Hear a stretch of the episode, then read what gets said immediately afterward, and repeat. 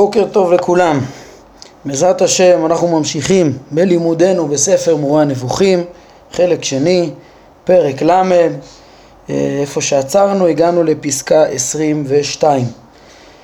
אה, כן, כזכור אנחנו בשלב השלישי הכללי של הפרק, אה, כמו שהגדרנו אותו, ראינו בפסקה 17 שהעם אמר שההבנה של הסדר הדברים היא מאוד חשובה להבנת פענוח הרמזים אז אנחנו אם כן בשלב השלישי שבו הרמב"ם מביא לנו רמזים של חכמים שמצביעים על משמעות אה, עניינים שונים שנאמרו בפרק ב' בבריאה אה, במשמעות, בהקשר של אה, הבנת אה, מהות האדם, כוחותיו אה, ודברים ששייכים לזה. בהקשר הזה ראינו איך שהרמב"ם אה, לימד על הרמז לכך שהאדם אה, מורכב מחומר וצורה, שזה נרמז בתוך התיאור של תהליך בריאת האישה. למדנו על הנחש, שהוא היצר הרע, שכולל את, את הגמל ורוחבו, את הדמיון והתאוות. למדנו איך שהדבר הזה הוא סיבת החטא, הוא נטייתו של האדם לחומריות, לטבע חומרו, אז גרמה לו אה, לחטוא ולעבור על הציווי האלוקי. אה, הנחש דיבר עם חווה בלבד וכולי, ועם הנטייה לחומריות אז יש זוהמה באדם. אה, סיימנו את הדברים באמירה שישראל שעמדו על הר סיני פסקה זוהמתן. התורה היא בעצם אה, אה, מדריכה את האדם שיסולק ממנו חסרון הגוף וההליכה העיוורת אחריו ורק אה, שישתמש בו רק בצורה נכונה על פי החוכמה. ומפה אנחנו מגיעים בעצם לעניין הבא בפסקה 22 שזה עץ החיים. בכוונה אבל הזכרתי גם את העניין האחרון. התורה לפי הרמב"ם היא גם עץ החיים. עוד מעט נראה רמיזה נוספת. פה מה הרמב"ם אומר לנו משמעות עץ החיים אבל uh, מפורסם שהרמב"ם בהלכות תשובה uh, בפרק ט', בתחילת פרק ט', אומר שהתורה זו שקיבלנו היא עץ החיים, כן, ו... וברמז כמובן לעץ החיים, uh, למשמעות שנרמזה בעץ החיים שהיה בגן עדן, וזה בעצם גם עולה מהפסקה האחרונה שקראנו. התורה היא בעצם עץ החיים היא התיקון שלא להימשך אחר אה, הזוהמה של הנחש, אחר החומריות. זה בעצם סוף הפסקה הקודמת, התורה עץ החיים. עכשיו נמצא, נראה עוד אה, אה, רמיזה שיש בעץ החיים. רמיזה מאוד סתומה, ונגיד את, ה, את מה ש, איך שאנחנו מבינים אותה בסייעתא דשמיא.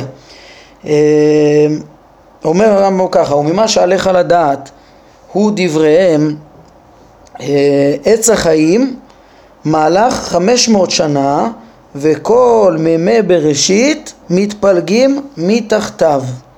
כן, אמירה אה, סתומה, אולי פשוטה, מדבר על אה, ממדים עצומים של עץ החיים, מהלך חמש מאות שנה וכל מימי בראשית מתפלגים תחתיו. מה רצו לומר בדברים האלה? וביארו שם שהכוונה בשיעור הזה היא לעובי גופו ולא למוטת ענפיו, רק הגזע שלו, גוף העץ בלי כל הענפים והנוף, זה אה, מהלך 500 אה, שנה, כן, אה, הם אמרו, לא סוף דבר נופו, אלא קורתו, מהלך 500 שנה. ופירוש קורתו, מה הכוונה קורתו? עובי קורתו העומדת, הגזע, כן? וכך הם השלימו את פירוש העניין וביאורו. דבר זה יתברר אם כן. לכאורה דברים סתומים מאוד, מה הרמב"ם רוצה אה, לרמוז כאן? נקרא עוד רמיזה סתומה, אה, אולי קצת יותר קלה לפרשנות, אבל היא תעזור לנו להבין, אני חושב, נכון, אה, מה שיותר מתיישב על ליבי פה ברמיזות האלה. הרמב"ם אומר בפסקה 23, וממה שעליך לדעת גם כן, הוא דבריהם, עץ הדעת לא גילה הקדוש ברוך הוא אותו אילן, כן, על, על עץ הדעת, לא גילה הקדוש ברוך הוא אותו אילן לאדם ולא עתיד לגלותו. אומר הרמב"ם על זה, וזה נכון, כי טבע המציאות מחייב כך. טוב, רמזים סתומים על עץ החיים ועץ הדעת. מה משמעות הדברים? אה, איזה, לאיזה עניינים הרמב"ם לוקח אותנו פה בעץ החיים ועץ הדעת כשעם הדגשים האלו של המדרש, של הממדים של 500 שנה עץ, מהלך עץ החיים כל ימי בראשית מתפלגים תחתיו וכל המידה הזאת זה קורתו ולא מוטת ענפיו. כן, יש בזה, לקחו את זה לפירושים שונים, אתם רואים, זה דברים סתומים אני אגיד לכם מה שנראה לי בזה, אה, אה, מה שהתחדש לי לא ראיתי בשום מקום, אבל נראה לי פירוש אה, התיישב על, על ליבי, שמפרש בו כל פרט. ככה, חמש מאות שנה, מהלך חמש מאות שנה, לדעתי זה רומז לגלגלים. עץ החיים פה רומז לגלגלים, ועץ הדעת לזכלים הנבדלים, וכבר נבהר גם מה, מה, מה זה שייך פה בכלל, כן? אנחנו צריכים להסביר הכל לפי, לפי ההקשר, וגם מה בדיוק הפירוט פה של הדברים. אז אני מתחיל מהחמש מאות שנה, עץ החיים כנגד הגלגלים זה חמש מאות שנה, זה בהתאם למה שהרמב"ם לימד אותנו פרק ט', י', י"א, על החל, אופן החלוקה של הגלגלים. הרמב"ם לימד שאומנם יש הרבה גלגלים, וכל כוכב שבט צריך להיות בגלגל בפני עצמו וכדומה, אבל יש להם ארבעה אה, סוגים כוללים, כן, ארבעה סוגים כוללים בתוך הגלגלים עם הכוכבים. גלגל כוכבי השבט, גל, כן, כל כלל כוכבי הלכת, גלגל חמה וגלגל לבנה. זה ארבעה גלגלים, שהם הגלגלים המצוירים, ולמעלה מהם יש את הגלגל המקיף.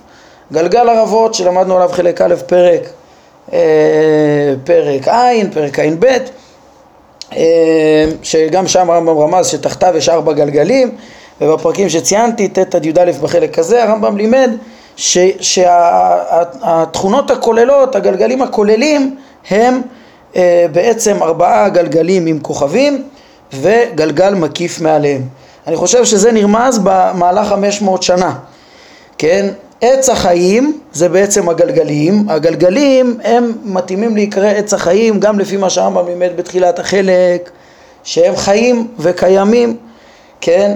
וגם בגלל מה שלמדנו שהם המעניקים חיים וקיום פה לעולם. כל התרכבות החומרים אה, וההוויה וההפסד, כן? כל ההתהוות, כל מה שקורה פה מתחת זה מכוחם וגם כל נתינת כוחות החיים בפרט כוחות, התכונות, צורת המחצבים, הצורות של הכוח הצומח של הצמחים, הכוח החיוני של החי והכוח השכלי היולני אה, של האדם, היכולת להשכיל של האדם שיש לו אה, בצורתו, זה כוחות ששופעים מן הגלגל, זה כוחות חיים ששופעים מהגלגלים, כן, שהם בסיבובם מעניקים את הכוחות האלו אה, בעצם לכל מה שתחת גלגל הירח ליסודות זה וכל מימי בראשית מת, מתפלגים תחתיו מתחת עץ החיים הזה. אני מבין שמימי בראשית כאן זה כל ארבע יסודות שכולם אה, עשויים מיולי אחד וכולם מתפלגים ונוצרים ומתהווים ומקבלים את צורותיהם אה, מכוח עץ החיים, מכוח הגלגלים שהם חמש מאות, אה, מהלך חמש מאות שנה, הכוונה חמש מדרגות של גלגלים ולפי זה גם מובן ממש יפה המשך הרמז של הרמב"ם שהדיבור פה הוא על עובי גופו ולא למוטת ענפיו, כן? לא סוף דבר נופו אלא קורתו חמש מאות שנה, כן? הדברים פה מבוררים היטב לאור פרקים ט' עד אה, י"א כמו שאמרנו שהרמב"ם אומר צריך להתמקד באופן הכולל, בקורתו, בעיקר הדבר, לא בכל הענפים כי באמת אה, אם תרד לפירוט של הענפים אז יש עוד, אה, צריך לפרט המון המון גלגלים. אה, הדברים פה נכנסים לעניות דעתי ממש ממש יפה ומפרשים את הרמז של הרמב"ם פה. אז עץ החיים רומז פה לגלגלים ועץ הדעת הוא דבר שהקדוש ברוך הוא לא גילה אותו ולא עתיד לגלותו. אומר הרמב"ם כי טבע המציאות מחייב כן. זה כמובן, זה הזכלים הנבדלים, הזכלים הנבדלים, כבר לימד אותנו הרמב"ם, כן, אפילו את הגלגלים אי אפשר להכיר עד הסוף, אה, כמו שהרמב"ם לימד אה, והסיק בסוף פרק כ"ד, ואחרי כל הכשלים וכל הקושיות שהיה לו על, על, על האסטרונומיה ש, ש, שהייתה ידועה בזמנו ועל הפילוסופיה של אריסטו שלו כל כך מסתדרת עם האסטרונומיה, וכל שכן הזכלים הנבדלים שהרמב"ם אמר שזה דברים, כן, אפילו השמיים שמיים להשם, דברים שאין לנו יכולת לברר אותם עד, עד תומם, אה, אה, לפי, כן, אה, הרמב"ם וכל שכן הזכלים הנבדלים שאי אפשר לתפוס אותם, שהשכל האנושי לא יכול לתפוס אותם. אם כן, עץ הדת ועץ החיים במאמרים האלו של חכמים הם רומזים גם לגלגלים החיים שמשפיעים חיים למציאות ולזכלים הנבדלים. אה, אה, זה עץ החיים ועץ הדעת. ככה לעניות דעתי. למה זה מתקשר הנה? למה לדבר, כן, הרמזים האלה? כי פה אנחנו אה, עוסקים בכוחות האדם. עסקנו עד, כן, עד פסקה 21 אה, בעצם בזה שהאדם מורכב, הרמב"ם פתח, מחומר וצורה ומצד חומרו יש לו את האבותיו, את התאוות והדמיון ומצד זה, מצד נטייתו אחרי זה זה זוהמה וזה חטא ועכשיו הוא מתחיל לעסוק בחלקים העליוניים שלו. ובעצם פה הוא רומז למקורות של החלקים העליונים שלו, לחלקים העליונים שלו, לתכלית האדם שהוא צריך, כן, כמו שאנחנו נראה מיד, אה, להתעסק בחלקים העליונים שלו ולהנהיג את אה, כל מעשיו וגופו וחומרו אה, על פיהם, אז בעצם החלקים העליונים שיש לו נמשכים, כן, אדם מקבל חיים, כוחות חיים מן הגלגלים ודעת, כשהוא משיג דעה הוא בעצם משיג שפע שכלי ומתאחד עם השפע השכלי של השכלים הנבדלים. אה, וזה בעצם האפשרויות שיש לפניו של, אה, או לפחות נרמז בעץ הדעת, אה, עץ החיים ועץ הדעת שהם המקורות של הכוחות של הצורות של האדם, הצורה החיונית פה בעולם הזה מעץ החיים, מהגלגלים והצורה השכלית מן הזכלים הנבדלים שהם בעצמם אי אפשר להשיג אותם. אה, כן, ומיד אנחנו נראה שהרמב"ם עוד אה, ירמוז עוד כמה רמיזות ששייכות להבנת תכלית האדם ושהוא צריך להתרכז, כן, בחלק השכלי העליון הזה. אה, אני רק רוצה להוסיף פה הערה חשובה בהתאם לאיך שאני פירשתי פה את עץ החיים ועץ הדת ואת הרמיזות שבהם כל מה שאני מפרש פה זה גם זה לשיטתי שדיברנו עליה בשיעורים הקודמים, שאני מבין שהרמב"ם אה, נותן לנו פה את הרמזים האלה של חכמים כתוספת על הסיפור הפשטי שבפסוקים. היינו, אה, אל ת, אני חושב שלפי הדרך שלי אני פטור מלנסות להכניס בסיפור איך אה, עץ החיים המדובר בתוך פשטי המקראות ועץ הדעת הם קשורים לגלגלים ולזכלים הנבדלים, כן? אה, שוב, אני מבין שהרמזים שאמרתי לעץ החיים אה, והרמזים שהרמב"ם פה רומז, שזה רומז, זה הכי מתאים לגלגלים וכדומה, כמו שפירשנו, ובהקשר ככה לדבר פה עכשיו, לעבור למקורות של. של הצורות של האדם ולחלק העליון של האדם זה ממש מסתדר במהלך של, של הפרקים כל זה מחזק את זה שזה הפירוש ש, שנראה לי שהרמב"ם רמז אליו פה אבל זה גם כן בנוי ומסתדר ודווקא עם ההבנה שלי שזה לא, הרמב"ם לא הולך לספר לנו פה את פשט הכתובים אלא יש משמעויות שרמוזות בכלל הכתובים שהם תוספת הבנה ודברים וסודות עמוקים מסודות המציאות שלא, אה, זה לא, זה לא, זה, לא שעכשיו ככה צריך להבין את, הפסוקים מחדש, כן, יש הרבה דברים שהרמב"ם באמת, נגיד בפרקי המונחים, ראינו שהוא מסביר מה באמת כוונת הפסוק, מה באמת הכוונה, כל הדברים של ה, שהביטויים של ההגשמה, זה בלתי אפשרי להבין את זה, אה, את הכתוב כפי שהוא וחייבים לפרש את הביטוי בהשאלות האחרות שלו וכדומה. כאן לא, דיברנו על זה, שמה, ש, ש, ש, אה, על האפשרות של ההתרחשות, של ההתהוות של אדם וחווה ואפילו אה, הציווי של האדם ו, ו, ו, וחווה והחטא שלהם והעונש שלהם אה, כדברים שהם קיימים, כן, אפילו תהליך, אה, כן, אנחנו לא יודעים בדיוק מה היה תהליך היצירה שלהם, איך בדיוק, אז, אז אמרנו כנראה שיכול להיות שהרמב"ם אומר ש, שהתיאור של אה, לקיחת הצלע זה, זה בעצם בריאה, בריאה של חומר וצורה, בסדר, אבל יש שם תהליך, כן, או הנחה שאמרנו בפירוש שהוא עצם הטבע שבאדם, אבל בסך הכל היה שם דברים ש... שאת רוב הפרשה אתה מבין אותה כפשוטה, רק את הנחש אתה מבין זה היצר הרע, זהו, אבל, אבל האדם מונח, מושם בגן עדן ונוצר שם ונוצרת לו אישה והוא נוצר בחומר וצורה, זה, זה תוספות ש, ש, שרומזים כאן. ככה גם בעניין הזה עץ הדעת אה, ועץ החיים, אה, לפי הבנתי, הם, אה, היה גם עצים כאלה, היה גם עצים כאלה בגן עדן. אדם הראשון נברא במציאות, התורה מתארת את תחילת בריאת המציאות. והוא היה איפשהו במקום הגיאוגרפי הזה שבין הנערות שמתוארים אה, בסביבות ארץ ישראל, בין הנערות שמתוארים שם בפרשה כמקומות אה, ממש, אלא מה שהוא היה אז במדרגה רוחנית אחרת. הנה בואו נקרא גם את הפסקה הזאת הבאה שאומרת את זה, כן? אה, אה, ואז נשלים את הדברים שלנו. וממה שעליך לדעת הוא דבריהם ויקח אדוני אלוהים את האדם, אומרים חכמים, עילה אותו. הלקיחה זה היה עילה אותו. ויניחהו בגן עדן הניח לו. אומר הרמב"ם, אין הם מבינים את הפסוק הזה כלקיחתו ממקום והנחתו במקום, אלא כעילוי דרגת מציאותו בנמצאים האלה המתהווים וקלים ועיצובו במצב מסוים. זה, זה נגיד פסקה שמחזירה אותנו לפרק הראשון ש, שאומר את כל מה שאני התחלתי להגיד גם כן, שאם מעיינים בו מחזיר אותנו לאיך שלמדנו את פרק ב' בחלק א'. כן, בעצם מה, מה אנחנו אומרים, כן, אז, אז, אז אה, הקדוש ברוך הוא יצר את האדם בשלמות כזאת, רוחנית, הוא, הוא היה במקום מסוים כמובן, כן? אבל, אבל ההנחה בגן עדן זה גם מתאר את השלמות השכלית שהייתה שם ל, ל, ל, לאדם הראשון, וכן, לפני שחטא, קיבל שיא הגוף הכי שלם שיש, ונפש ושכל הכי שלם שיש, בצלם אלוהים, כן?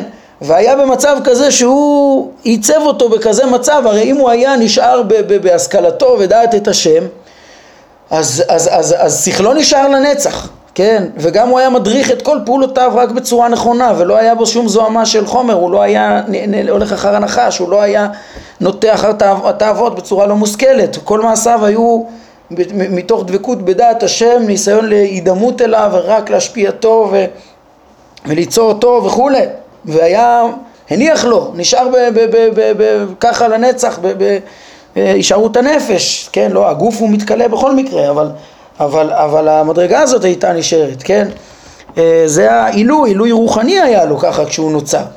אבל כל הדברים האלה, כמו שהתחלתי לומר, זה לא עומד בכלל בסתירה להבנה של, הפר... של הפרשייה כמו שהיא, היינו, שהיה ציווי לא לאכול מ... מ... מ... מ... כן, מכל עץ הגן תאכל, אבל בעץ אשר בתוך הגן אה, אה, ביום אכולך ממנו מות תמות. היינו, אה, ש... ש, ש מה, מה, מה אני מתכוון? מה כפשוטו? ציווי כנראה היה, כן? אפשר להוכיח את זה, נגיד ראינו מפרק ב' שהרמב"ם אה, הביא שם את הקושייה של המלומד שחשב ש, שהאדם קיבל את השכל בעקבות החטא אבל הרמב"ם אומר לו, מה זאת אומרת? הרי האדם נצטווה ולא מצווים בהמות זאת אומרת שהיה לו שכל עוד לפני כן, זה צלם אלוהים שהוא נברא איתו עוד לפני כן, אדם נברא עם צלם אלוהים ולכן הצטווה. רואים שהרמב"ם מוכיח מהציווי את זה שהיה לאדם שכל, זאת אומרת היה ציווי, היה לאדם שכל, היה אדם, היה לו שכל, היה ציווי, כן? ו- ומהו הציווי? מכל עץ הגן אכול תאכל, מעץ הדעת אשר בתוך הגן לא תאכל ממנו, כן? זאת אומרת יש כאן אה, אדם ספציפי שמקבל ציווי ספציפי מהבורא ועבר עליו, אחר כך הרמב"ם מתאר את העונש מידה כנגד מידה אז אמנם זה נכון שהרמב"ם מקרב את הדברים תמיד וגם בתוך העמידה כנגד מידה הרבה מזה זה פשוט סיבה ותוצאה נכון שהוא כבר אמר לנו שהנחש זה עצם היצר הרע וה... ועצם הנטייה לתאוות היא עצמה הורידה אותו וגרמה לו להתעסק עכשיו הרבה יותר בשטויות ובעולם הזה ויהיה לו הרבה יותר צערים מתוך הציפיות שלו בעולם הזה וכל מיני דברים שאפשר להבין אותם אה, אה, כסיבה ותוצאה, אבל פשוטו של לשונו של הרמב"ם בפרק ב' זה שגם היה כאן ענישה, כן, היה פה גם ציווי והיה פה ענישה, אז היה גם עץ הדת ועץ החיים, לצורך העניין, כך צריך לומר, נכון שנחש לו, נכון שגם כנראה ש... ואכל וחי לעולם, זה, זה, זה בעצם הקניין החוכמה גם כן שבאמצעותו אדם יכול להתייצב ולהתקיים לנצח אה, בדעת בוראו בהשכלתו, במדרגת נפשו, הנפש שלו תישאר לנצח. נכון שהחטא, כן, והנחש זה ירידה, ומות תמות זה בעצם אה, אה, יכול להיות עצם הירידה מהמדרגה שלו גם כן וכדומה. אבל אי אפשר לדעתי לנתק את ה... לא, נראה לי לא נכון בדעת הרמב"ם להגיד שהכל משל ולהגיד שלא היה שם את הסיפור הריאלי זה בעצם המשך לכל מה שאמרנו, אני חושב שכל הפירוש שלי פה על עץ, עץ הדת ועץ החיים גם כן הולך דווקא עם המהלך הזה ש... ש אה, לא לנסות לדחוף את זה בפשט של הפסוקים שעץ הדת ועץ החיים אה, כן, או בכל המדרשים או בכל המשמעויות. הרמב"ם עצמו אומר שנרמזו משמעויות שונות בעץ החיים. התורה היא עץ חיים כי היא מדריכה את האדם על פי החוכמה ולא להיות מזוהמת הנחש. הגלגלים הם עץ החיים במובן שהם המקור לחיים של האדם בעולם הזה ולכל מה שקורה פה בעולם הזה. הם חיים, הם חיים, חיים בעצמם, הם חיים את המציאות. עץ הדעת, זה, במובן כאן, איך שאני פירשתי אותו, זה, זה, זה הזכלים הנבדלים מתוך ההקשר, אפשר להבין שאותה אי אפשר להשיג, אבל יש גם, היו גם עצים במציאות שנבראו ואדם נצטווה עליהם אה, שלא לאכול מהם וחטא. כן, זה בעצם הכיוון של, אה, של הדברים שאנחנו אומרים ואיך שמתיישבים דברי uh, הרמב"ם פה עם, ה, עם הפסוקים. Uh, כן, בוא נקרא, אני אגיד על זה עוד איזה מילה, אולי נקרא, כן, נגיד עכשיו עוד איזה מילה על זה. אני חושב שהדרך הזאת היא, היא יותר מתאימה, שוב אני אומר, היא נראית הפשט ברמב"ם, אני רוצה עוד לבסס אותה, ש... ש הרמב"ם הרי אומר כאן בתחילת הרמזים שלו מדברי חכמים, כן, שימו לב שעד פסקה 17 הוא סיים לדבר באופן כללי על תהליך הבריאה, אה, על, על היסודות ועל תהליך הבריאה, ואז הוא אומר, ואז הוא, ועל הפסוקים, על מה שבפסוקים. פה הוא כאילו מוסיף רמזים שחכמים מדגישים בפסוקים של פרק ב', כן, רמזים, מביא מאמרי חז"ל שמעוררים על, על, על, אה, על עניינים כן, ו- ו- ועליהם הוא אומר שכדי להבין את הכוונה שלו צריך לעיין בדברים שלו כפי שהם לפי סדרם, כן, לפי הסדר שהרמב"ם מציג את הדברים. אז אה, אני חושב שזה עצמו מלמד ש... כן, אה, נגיד, נזכיר שוב את העבודה ש, ש, שראינו, עבודה יפה שעשו במהדורה שלפנינו, לפרש את כל אה, פרק ב' בצורה עמוקה לפי רוח הרמב"ם בסוף הכרך פה. אז, אז הם, בשביל לפרש אותו, הם כל ביטוי שרק מופיע בפסוק, שאולי יש לו איזושהי התייחסות במורה, הם מתאמצים, כן, או בהתייחסות מפורשת או ברמז, או משהו כזה, מתאמצים להביא אותו ולפרש כל דבר, הכל כאילו הכל משל. אבל, אבל זה, זה מאוד רחוק ממה שהרמב"ם אומר פה, שכדי להבין את הדברים שלו, תקרא את הדברים שלו על פי, על פי סדרם. כן, אני מסכים שצריך להשוות ולהשליך אה, פרקיו זה על זה, כמו שהרמב"ם אמר בהקדמה, כן? וגם את הדברים שאני מפרש פה אי אפשר היה להבין בלי שנשיב הפרקים זה על זה. אבל בסוף אה, אני משתמש בפרקים אחרים לפרש את מה שהרמב"ם אומר פה לפי הסדר, וכאילו כאמירות של... שיפרשו את כל מה שהרמב"ם רצה לרמוז כאן. דבר אחר דבר, כן, כרגע בשלב השלישי אנחנו בכוחות האדם, חומר וצורה, תאוותיו אה, ודמיונו אה, כסיבות החטא, מהו הנחש וכולי, ועכשיו עברנו לשלב של עץ החיים ועץ הדת שגורם לאדם את הנצחיות, את ההתייצבות והקיום הנצחי, כן, בזה שייכת גם הפסקה הבאה.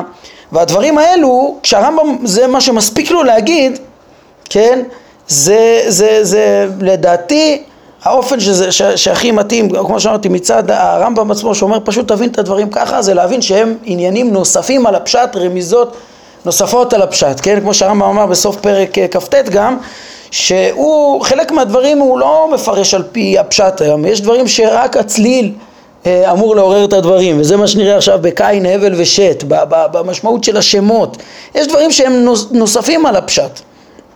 אה, כן, ובאופן הזה נראה לי שהדברים הכי פשוטים, באופן הזה זה גם, גם הרבה קושיות של מפרשים שראיתי שדנים בדברי הרמב"ם הם מתקשים מתוך שהם מנסים להכניס את הפירושים שהם מבינים פה ברמזים של הרמב"ם בתוך הפשט של הפרשה, כן? כש... בתוך הפשט של הפרשה, בתוך ההקשרים במדרשים, אבל הרמב"ם אמר מראש, בסוף, בהקדמה לפרק הזה, בסוף פרק כ"ט, יש דברים שהם מעורבים, אל תנסה להבין אותם בתוך ההקשר, הם מעורבים בדברים אחרים שזה לא העניין שלהם, זה חלק מההסתרה, חלק מההצפנה, כן?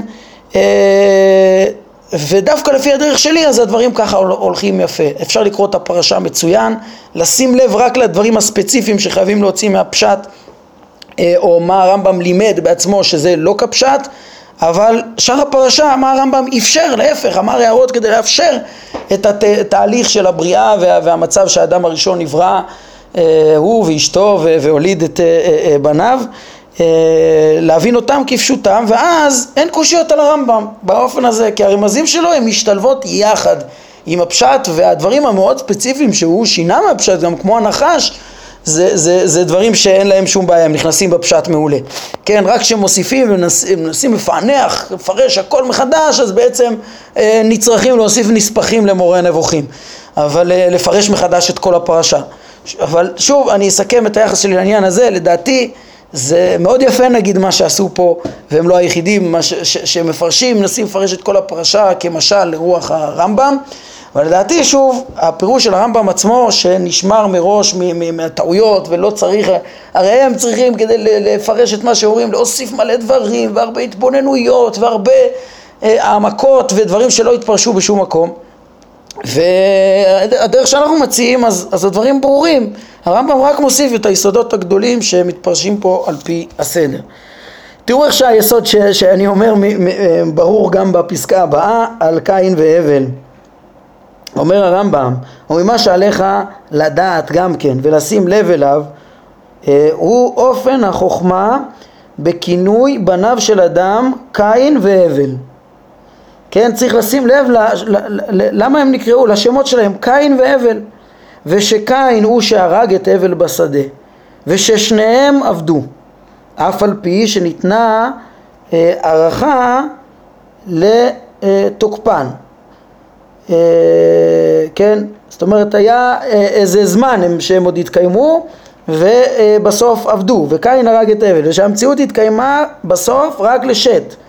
כן, מה שנאמר בשת וידע אדם עוד את אשתו ותלת בן ותקרא את שמו שת כי שת לי אלוהים זרע אחר תחת הבל כי הרגו קין. אם כן הדבר יתחבר מה יתחבר לנו פה? עוד פעם צריך להבין את הדברים בתוך ההקשר במהלך שלנו ומה עניינם. אז ככה, ראינו שאנחנו כבר עוסקים ב...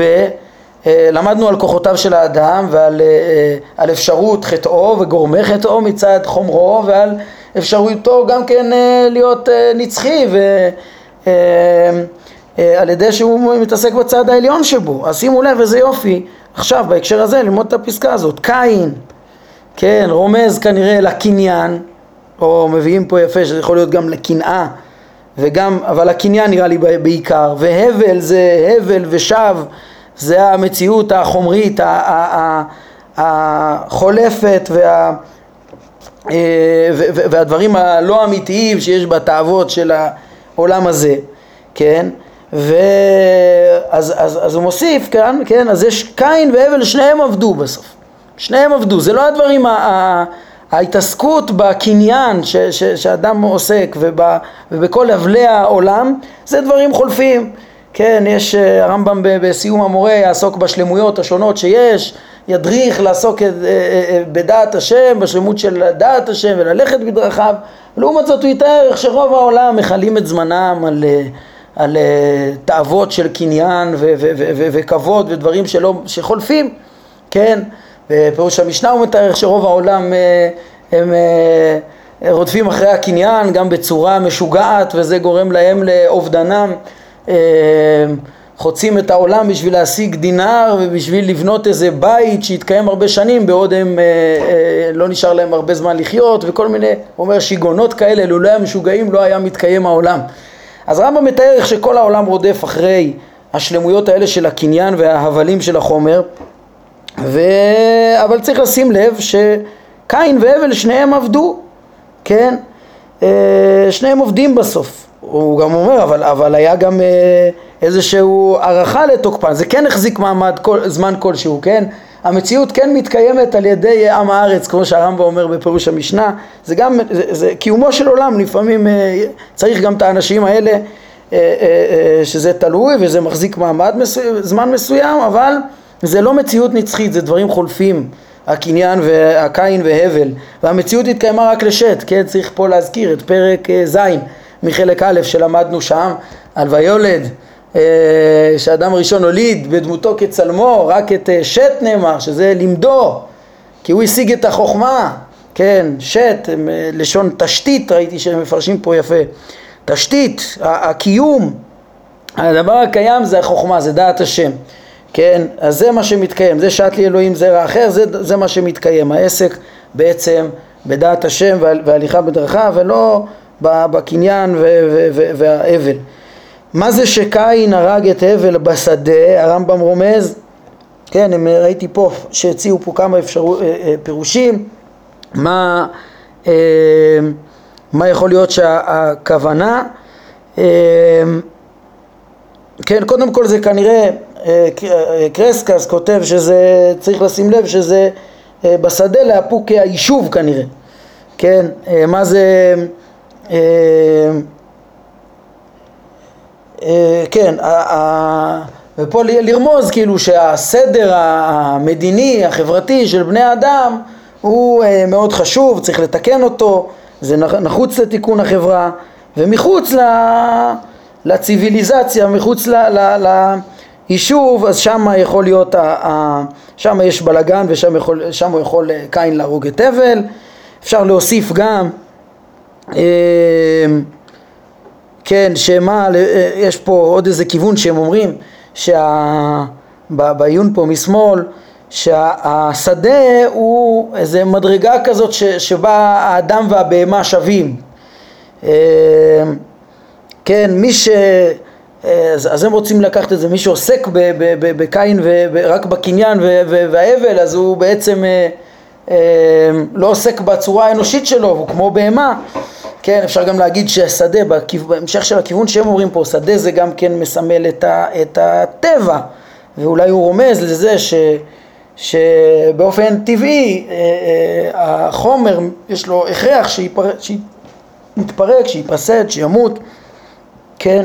טוב, כל הכיוונים האלה בעצם נרמזים פה, ובעצם יוצא שהפסקה הזאת, בפסקה הזאת על קין והבל, הרמב"ם רומז לעומת שת, כן, יסוד שכמו שאמרתי הוא הרחיב בו בפרק ז' מחלק ראשון, איך שהשאר הבנים שהוליד אדם, חז"ל אומרים הם שדים, שזה אה, בני אדם שבמקום אה, אה, לממש את תכליתם האנושית, את צורתם, אז הם, אז הם סתם עוסקים, ב, ב, ב, כן, לא מנצלים את זה, כמו בהמות הולכות על שתיים הרמב"ם אומר, כן, ואפילו גרועים מזה, כי הרי יש להם כישרון שכלי ומשתמשים בו להרע במקום להועיל הרבה פעמים, כן, חוץ מיישובו של עולם, זה בסדר. אבל שוב, זה, זה בעצם אה, ההבנה שאומרת לנו, ב, ב, כהמשך לרצף העניינים שרומז לנו פה הרמב"ם, כוחות האדם, אז אנחנו מבינים במה אדם צריך אה, להתמקד, אה, להתמקד בדעת השם, בחוכמה והדרכת כל ה... ביישובו של עולם, תיקון החברה אה, אה, על פי זה, על פי החוכמה, הליכה על פי החוכמה ולא סתם לרדוף בלי שכל אחרי אה, קין והבל. אני נזכר עכשיו פתאום כשאני מדבר על הדרכת השכל לכוחות הגוף, כשהרמב"ם דיבר על, ה, על, על זה שהנחש זה, זה התאוות של האדם והסמאל זה הדמיון שלו וכולי על כל היצר שבאדם אז היה את הביטוי הקדוש ברוך הוא שוחק על גמל ורוכבו הקדוש ברוך הוא ששוחק על גמל ורוכבו זה בעצם כן אה, אה, בהמשך לרמזים של כוחות האדם זה החוכמה של דעת השם שאדם יודע את השם איך הרמב"ם מגיד ראינו דיברנו על זה אולי בפרק י"ב ועוד בסוף הספר השכל הוא כבוד השם השכל בו אדם יודע את השם בו זה, זה האמצעי שבו אדם דבק בשפע השכלי ששופע מאת השם אליו ובו השם משגיח אליו, בו הקשר של האדם לבורא, של הבורא לאדם, ובו הוא יכול לשחוק על התאוות. ובו הוא יכול להדריך את התאוות, כן, אם הוא הולך אה, בצורה של שט, בתשתית היציבה של המציאות, ידע את השם, יתקיים לנצח וידריך את כל מעשיו בצורה נכונה. שימו לב איזה יופי, אם ככה, אה, איך השלמנו פה עוד שלב ש, אה, של עניין כוחות האדם. אם בהתחלה דיברנו אחרי שהבנו שהאדם הוא חומר וצורה אז קודם כל על סיבות החטא, על התכונות של חומרו, אז עכשיו אה, בעצם 22 עד 25, אה, כן, 22 עד 24 זה, זה, זה יותר על אה, הצד העליון שבו, ש, ש, של האפשרות שלו להתקיים בדבקותו בדברים הקיימים, בשפע ששופע לו מן הזכלים הנבדלים והגלגלים והקיום שיהיה לו אם הוא ידבק במדרגה העליונה של אדם הראשון כמו שהוא נוצר. ופסקה 25 שכאילו מציגה את שתי הדרכים, יש את הדרך של לרדוף אחרי הקניין וההבלים ויש את הדרך של שת, ככה שהדברים מאוד מאוד מסודרים, שאחרי שהסבירו לנו גם את, את כוחותיו של אדם, אז מתברר לנו גם מה תכליתו. וכל זה, שימו לב, עכשיו, מה, מה רציתי ללמוד מהפסקה הזאת גם? תגידו לי אתם, קין והבל, יאמר מישהו שהם לא היו אנשים ריאליים במציאות? ושת הוא לא... כן, וקרקר כל בני שת. כל, כל בני האדם נקראים בני שת. בני שת הוא לא אה, אדם אמיתי שבאמת נולד מאדם הראשון. אם אני לא טועה, בפרק ז' ראינו בפירוש שהרמב"ם אמר שויולד בדמותו כצלמו זה חוץ מזה שהוא הולידו בפועל במציאות הוא גם לימדו. כן זה לא משלים זה לא אידאות רק. היה אדם שנברא אה, ביום השישי של ימי בראשית אדם וחווה ונולדו להם קין, הבל ושת, קין והבל מתו ושת נשאר. בשמותיהם רמוזים גם תכנים, גם התכנים שלמדנו עליהם ושחכמים רומזים והם תכנים שמלמדים את, אה, אה, אה, ורומזים לנו במעשה בראשית מעבר להכרת עצם היסודות והחומר והצורה ותהליך ההתהוות גם את כוחות האדם ואת עבודת האדם. לדורות, את חלק, הבנת כוחות האדם, הבנת צלם אלוהים שבאדם, זה, ושאר כוחותיו, והשני חצייה, חומר וצורה וכולי, זה חלק מהסודות של מעשה בראשית. כאן המקום ל- ל- ל- ל- להזכיר ולציין שדיברנו על זה כשלמדנו הלכות יסודי התורה מה, כן, איך הרמב"ם יודע את מה שהוא אומר וחוזר ואומר גם שם במשנה תורה וגם במורה הרבה פעמים שחוכמת מעשה בראשית זה הפיזיקה והחוכמת מעשה ברכבה זה מטאפיזיקה מאיפה הוא יודע את זה? מאיפה הרמב"ם יודע את הדברים האלה? כן, אז הרמב"ם, אה, כן, מאיפה הוא יודע את, הדברים האלה? זה מנין לו? אז אמרנו שהדברים האלה מבוססים, הארכנו בזה גם על uh, הפסוקים וגם על uh, מדרשי חכמים בנושא. כן, אז פה אנחנו רואים איך שבאמת התוכן שהרמב"ם מוצא בתוך סיפור הבריאה, בתוך סיפור מעשה בראשית, כן, חוץ מחידוש העולם, אנחנו רואים פה שזה, שזה מהתכנים החשובים של מעשה בראשית, אנחנו רואים פה את היסודות, כן, התורה דיברה על היסודות והתורה דיברה על תהליך הבריאה בצורה הגיונית, מתאימה לפיזיקה. והתורה דיברה על כוחות האדם, הנה זה המקור לרמב"ם, להכליל גם את צלם אלוהים שבאדם, כמו שהוא הכליל אותו בחוכמת מעשה בראשית, סוף פרק ד' מלכות יסודי התורה, אז אה, רואים שזה חלק ממעשה בראשית, כל ההבנה של החומר פה עם הרשיות שלו, מהיולי והיסודות, יולי השמיים, יולי היסודות, אה, אה, היסודות והחומר וצורה, כוחות האדם, עם הצלם שבו, כל זה מסודות מעשה בראשית שנמצאים פה בפסוקים ונמצאים פה מאמרי חכמים וזה מה שנתבהר לרמב"ם, דרך אגב הוא כתב את זה כבר בפירוש המשנה שהתחדש לו שזה עומק הכוונה של חכמים בסודות החוכמה הזאת והוא חושף אותה אחרי שדורות אולי לא הבינו נכון את הסודות האלו כמו שדיברנו הרבה פעמים, הרמב"ם מחדש את מסורת הסוד, זה, זה מעשה בראשית וכשנגיע למעשה מרכבה, תחילת חלק שלישי, נראה איך ש... גם אה, התכנים של המטאפיזיקה זה תכנים של מעשה מרכבה. ורואים פה שמעשה בראשית זה מגיע עד הבנה כללית בגלגלים, בלי פירוט, חידוש המציאות, היסודות, הבנה כוללת של היסודות, אפילו של מציאות השם כמנהיג הגלגל, אפילו כמחדש העולם, ושל אה, צלם האלוקים שבאדם, כשמעשה מרכבה תוסיף את העיון היותר עמוק בזכלים הנבדלים ובחיות של הגלגלים והכוחות שנמשכים מהם וכולי, אה, כמו שאנחנו נראה. אם כן, אני חותם את, את, את מה שרציתי ללמוד, ללמוד כאן, שימו לב, יוצא שהסודות האלו של מעשה בראשית הם נרמזים כתוספת לאירועים הריאליים שקורים במציאות. קין והבל, אדם וחווה היו. אפילו הציווי אמרנו והוכחנו של אדם הראשון וחטאו ועונשו היו, ובריאתו ובריאת האישה. כן, איך בדיוק הדברים האלה היו? כן, אז לא היה שם נחש, היה שם את הכוחות של האדם עצמו, את האפשרות שלו להתקיים לנצח ואת האפשרות שלו להימשך אחר חומרו, שזה מה שקרה, ונצטווה ונענש.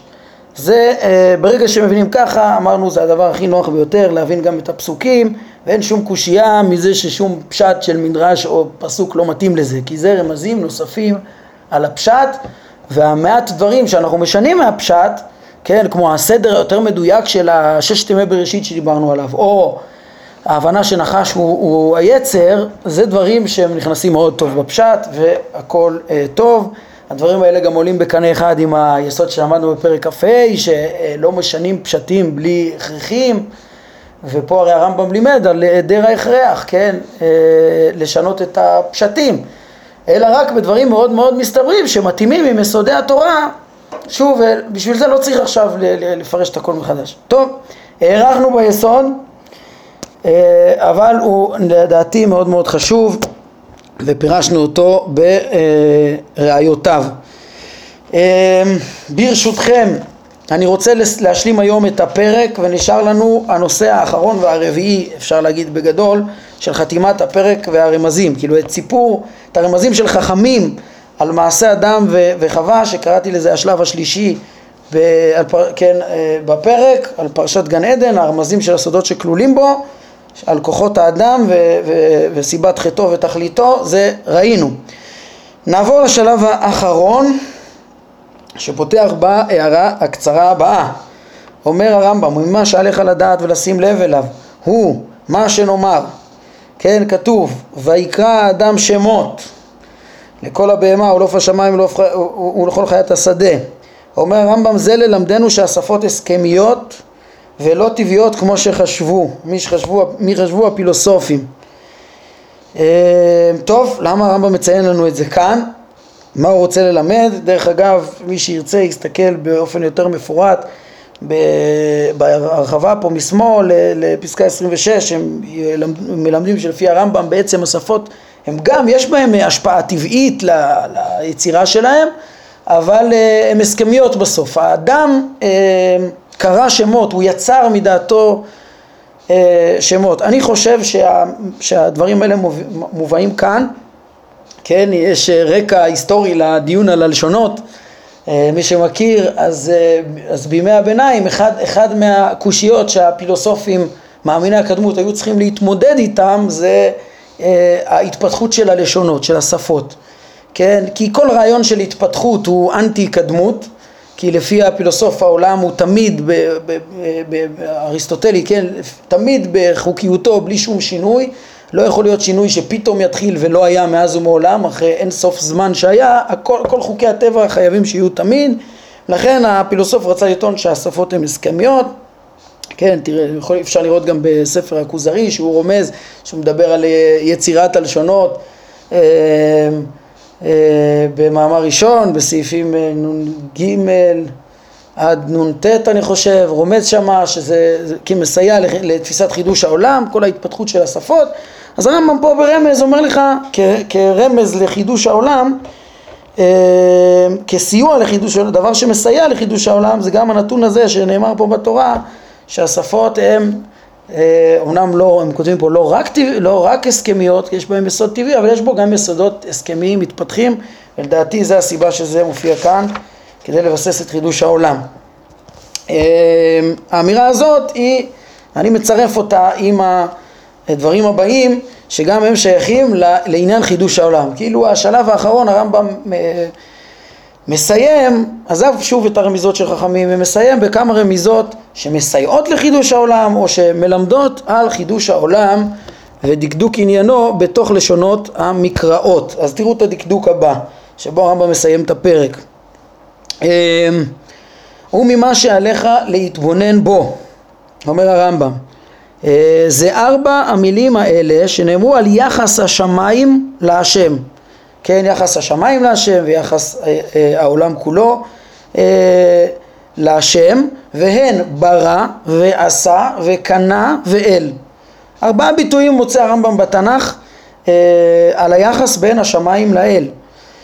ומביא דוגמאות, כן? נאמר ברא אלוהים, בראשית ברא אלוהים את השמיים ואת הארץ ונאמר ביום עשות, מצאנו לשון בריאה, עכשיו לשון עשייה, ביום עשות השם אלוהים ארץ ושמיים ונאמר גם קונה שמיים בארץ, לשון קניין והלשון האחרונה של אל אה, ונאמר אל עולם, שאברהם קורא בשם השם אל עולם, הקריאה המפורסמת ואותו דבר אברהם גם קורא בשם השם אלוהי השמיים ואלוהי הארץ, לשון אלוהות ארבע הלשונות האלו.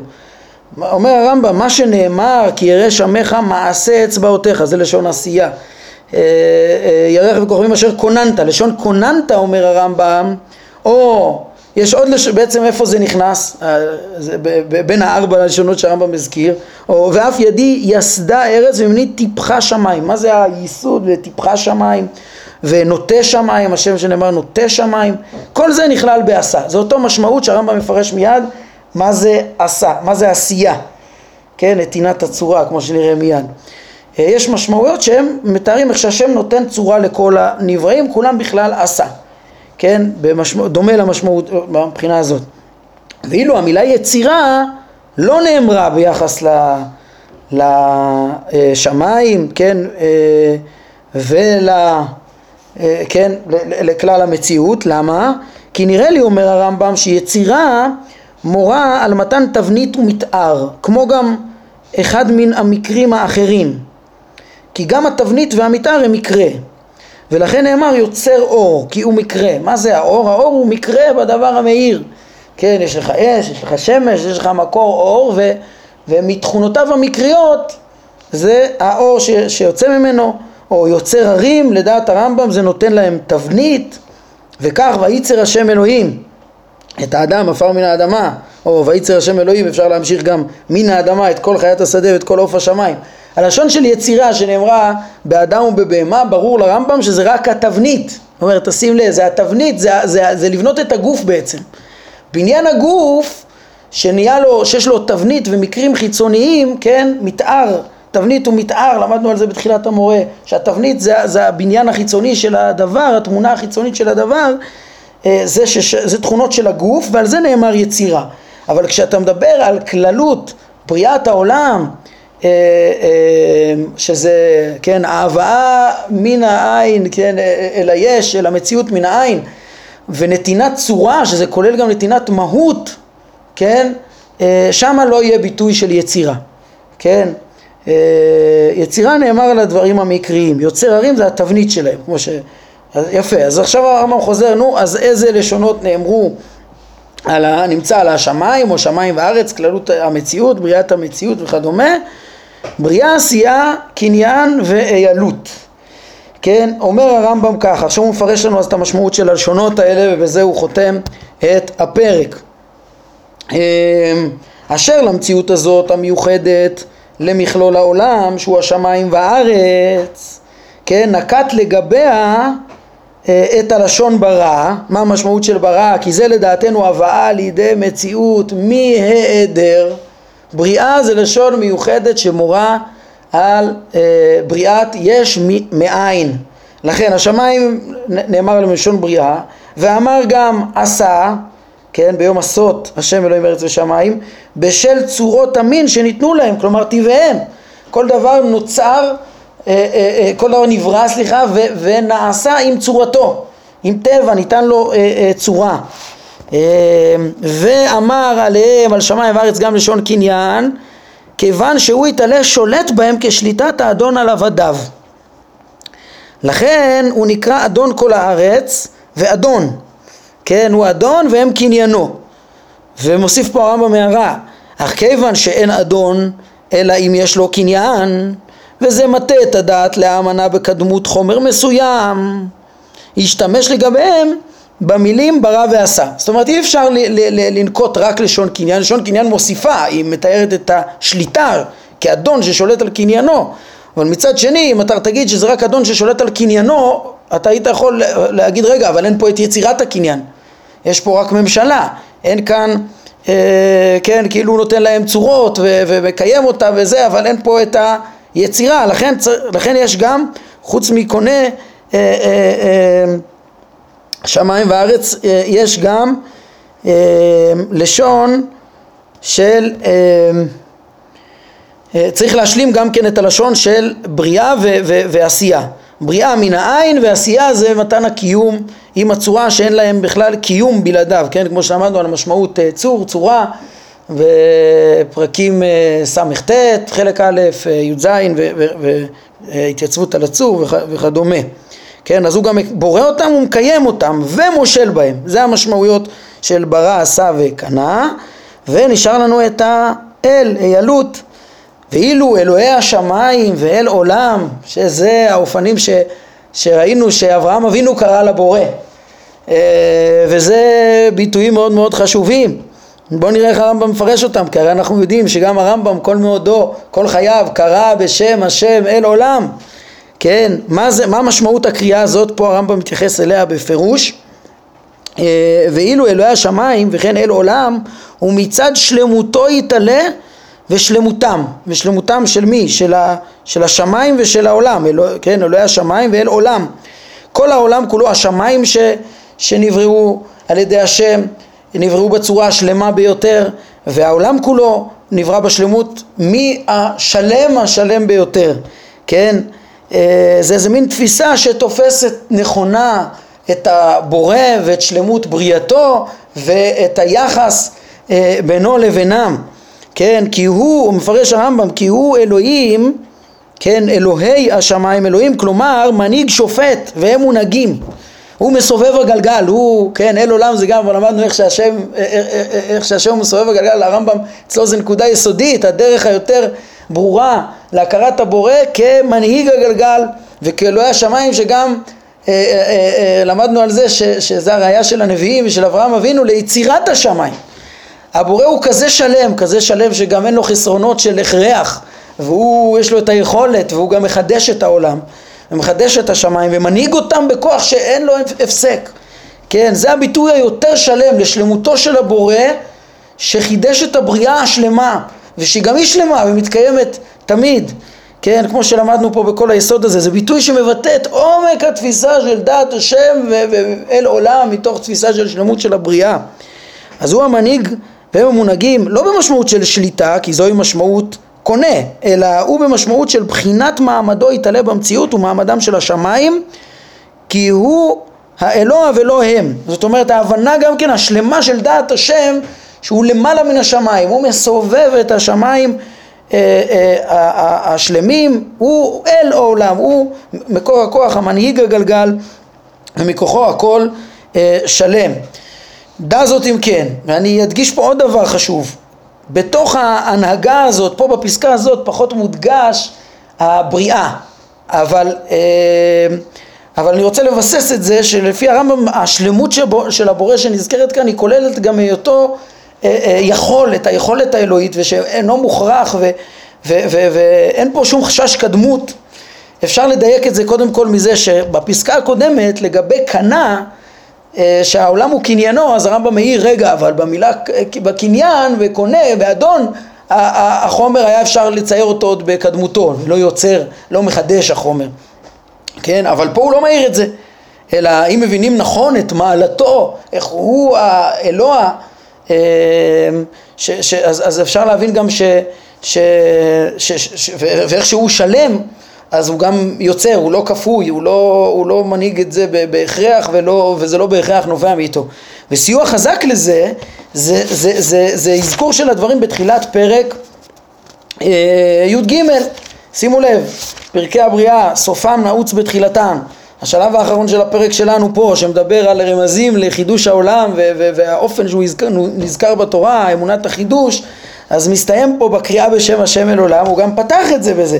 בפרק י"ג, פסקה 6, הרמב"ם מביא, שהציג את דעת תורה, דעת אברהם אבינו ומשה רבנו, וסיים שזה מה שאברהם כן, זה היסוד השני לייחוד וזה, אל יעלה על דעתך אחרת, אומר אברהם אבינו התחיל לפרסם את הדעה הזאת של החידוש שהעיון הוביל אותו אליה ולכן היה קורא בשם השם אל עולם.